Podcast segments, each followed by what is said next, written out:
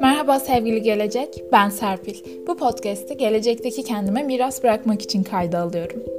Biliyorsunuz bu kanalda öğrendiğim yeni bilgileri sizinle paylaşıyorum. Bu hafta yapay zeka ile ilgili bir webinara katıldım. Ardından Ex Machine isimli bir filmi izledim ve oradan aklımda kalanları, ilgimi çekenleri kayıt altına almaya karar verdim. İlk olarak filmden bahsetmek istiyorum. E, film dünyanın en yaygın arama motoru. Google diyebiliriz bir nevi. Bu arama motorunun sahibinin şirketindeki çalışanlarından birini kendi araştırma tesisine bir haftalığına davet etmesiyle başlıyor. Şirketin sahibi Nathan, inanılmaz zengin biri. Nathan e, bilinci olan, yapay zekanın gelebileceği en ileri seviye bir robot geliştirdiğini söylüyor. Ve diğer başrolden yani yazılımcı olan Caleb'dan bu robota Turing testi uygulamasını rica ediyor. Film bu şekilde başlıyor. E, peki nedir bu Turing testi? Bir insanın bilgisayarla olan etkileşimi, insan bilgisayar ile testte olduğunu anlamazsa test başarılı. E, bu başarı bilgisayarın yapay zekaya sahip olduğunu gösterir aslında. Turing testi makine zekası ve insan zekası arasındaki o ince çizgiyi belirliyor. Devasa bir matematiksel sistem kurgulanmış bunun üzerine. Hatta Caleb orada Nathan'a şunu söylüyor. Eğer bilinçli bir makine yaratmayı başardıysan bu tanrıların devrimi olur. E, Nathan'ın arama motoru sahibi olduğunu söylemiştim. Ava'yı yani o bilinçli robotun ismi Ava. insanların arama geçmişleriyle bu datalarla besliyor illegal bir biçimde. E, yapay zeka etiği de çok tartışılan konuların başında geliyor. Bununla ilgili tartışmaları izlemek de çok ilginç olabiliyor. Hatta orada Nathan diyor ki rakiplerim arama motorlarını insanların ne düşündüğü ile ilgili bir harita sandı. Alışveriş önerileri çıkardılar sadece. Oysa ki insanların nasıl düşündüğü ile ilgili bir haritaydı. Filmde Ava ve Caleb seanslar halinde bir araya gelerek konuşuyorlar. Birbirlerini test ediyorlar aslında. Ee, bazı duygular harekete geçiyor falan. Güzel bir film. Hatta artık Caleb Ava'yı o kadar sahipleniyor ki Nathan onu uyarıyor. Bak Caleb, Ava için üzülme. Kendin için üzül asıl. Günün birinde yapay zekalar bize Afrika düzlüklerindeki fosil iskeletlere baktığımız gibi bakacaklar diyor. Bu da filmde en aklımda kalan cümlelerden biriydi. E, film esasen duygular öğrenilir mi, öğretilebilir mi, yoksa çevreden edinilen deneyimlerin benzer şekilde aksetmesi midir? Yapay zeka insandan öteye geçebilir mi? Yapay zeka yalan söyler mi? İnsanı kandırabilir mi? Kendini yapanı yok edebilir mi? Gibi sorular sorduran bir film.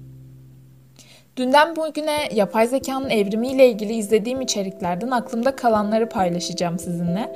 İnsanlık olarak mühendislik faaliyetlerinde doğayı taklit ederek bir şeyler geliştirilmiş hep. Yapay zeka da insan zekasının çalışma mekanizmasının bir analiziyle geliştiriliyor. Yapay zekayı şöyle tanımlayabiliriz. İnsan gibi düşünen, insan gibi davranan, mantıksal düşünen ve mantıksal davranan bir sistem. E, yapay zekanın temelini 1950 yılında yayınlanan bir makale oluşturuyor. Bu makaleyi yayınlayan Alan Turing makaleye makineler düşünebilir mi diye sorarak giriş yapmış. 1956 ee, yılında yapılan Dartmouth çalıştayı da yapay zekanın tarihinde önemli bir nokta oluşturuyor. Çünkü ilk kez yapay zeka terimi bu çalıştayda kullanılmış.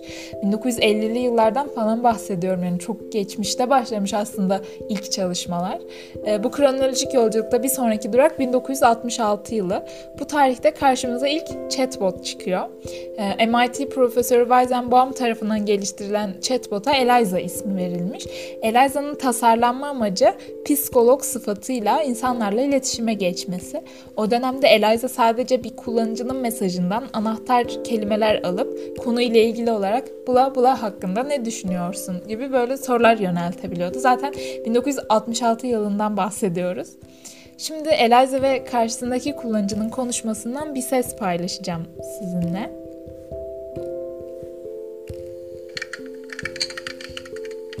Men are all alike. Bugging us about something or other. Can you think of a specific example? Well, my boyfriend made me come here.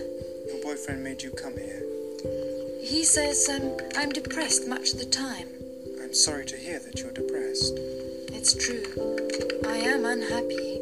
Do you think coming here will help you not to be unhappy? Bu şekilde e, erkeklerle ilgili sorunu olan e, bir kadına karşısında tavsiyeler veriyor aslında. E, YouTube videosunun ismi e, Before Siri and Alexa, Was Eliza. İsmi de çok ilgimi çekti aslında videonun. 1987 yılına geldik şimdi. 1987 yılında Deep Blue isimli yapay zeka dünya satranç şampiyonu Gary Kasparov'u yeniyor. Bu olay dünya basınında genişçe bir yer buluyor kendine. Kasparov hile yaptınız falan diyor. Böyle magazinsel boyutuyla falan da e, çok gündeme oturuyor. E, bu videoyu da açıklama kısmına linkini ekledim. Deep Blue satranç oynarken saniyede 200 milyon civarında hamle kontrol edebiliyor.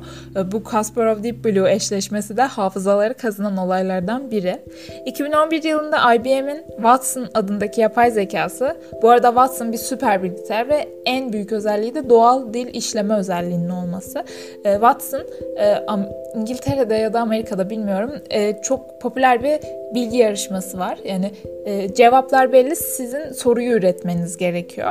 Ee, bu şekilde konsepte olan bir yarışma. Watson mantık yürüterek bilgi yarışmasını 1 milyon dolarlık bir ödül kazanmış. Ee, bu da bayağı o dönemde gündeme düşen olaylardan biri olmuş. Sanatta da karşımıza ilginç vakalar çıkıyor. Kişiye özel sanat e, eseri üreten yapay zekalar vesaire. Kullanıcının sanatsal beğenilerine göre ona özel eserler üreten yapay zekalı araç Artifly teknoloji ve sanat arasındaki sınırları kaldırıyor diyebiliriz. Ee, Obvious isimli bir yapay zeka sistemine yine orta çağda yapılmış 15 bin sanat eseri yükleniyor.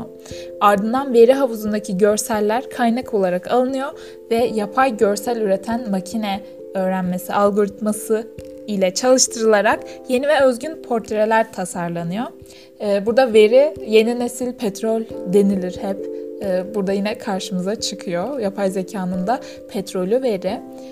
Aynı mantıkla şarkı besteleyen bir yapay zeka sistemi de var. Eurovision'daki işte bütün şarkılar e, yapay zekaya yükleniyor. O özgün bir şarkı besteliyor size vesaire. Aslında e, bilinci olan bir robotu merak etmiyor değilim. Bence sorun burada başlıyor bilinci tanımlayamıyoruz, ölçemiyoruz, anlayamıyoruz. Kendi bilincimizi dahi. Ancak var, onu kabul ediyoruz. Ama illaki senaryo Frankenstein'ın yaratıcısını öldürmesi sendromuyla ya da robotların dünyayı ele geçirmesiyle sonuçlanmak zorunda da değil. Ee, neyse bölümü kapatırken bu konuyla alakalı aklımda kalan bir sözü paylaşmak istiyorum. Beni çok güldürmüştü. Yapay zeka her şeyi taklit eder ama doğal salaklığı taklit edemez. Sağlıcakla kalın. İyi günler.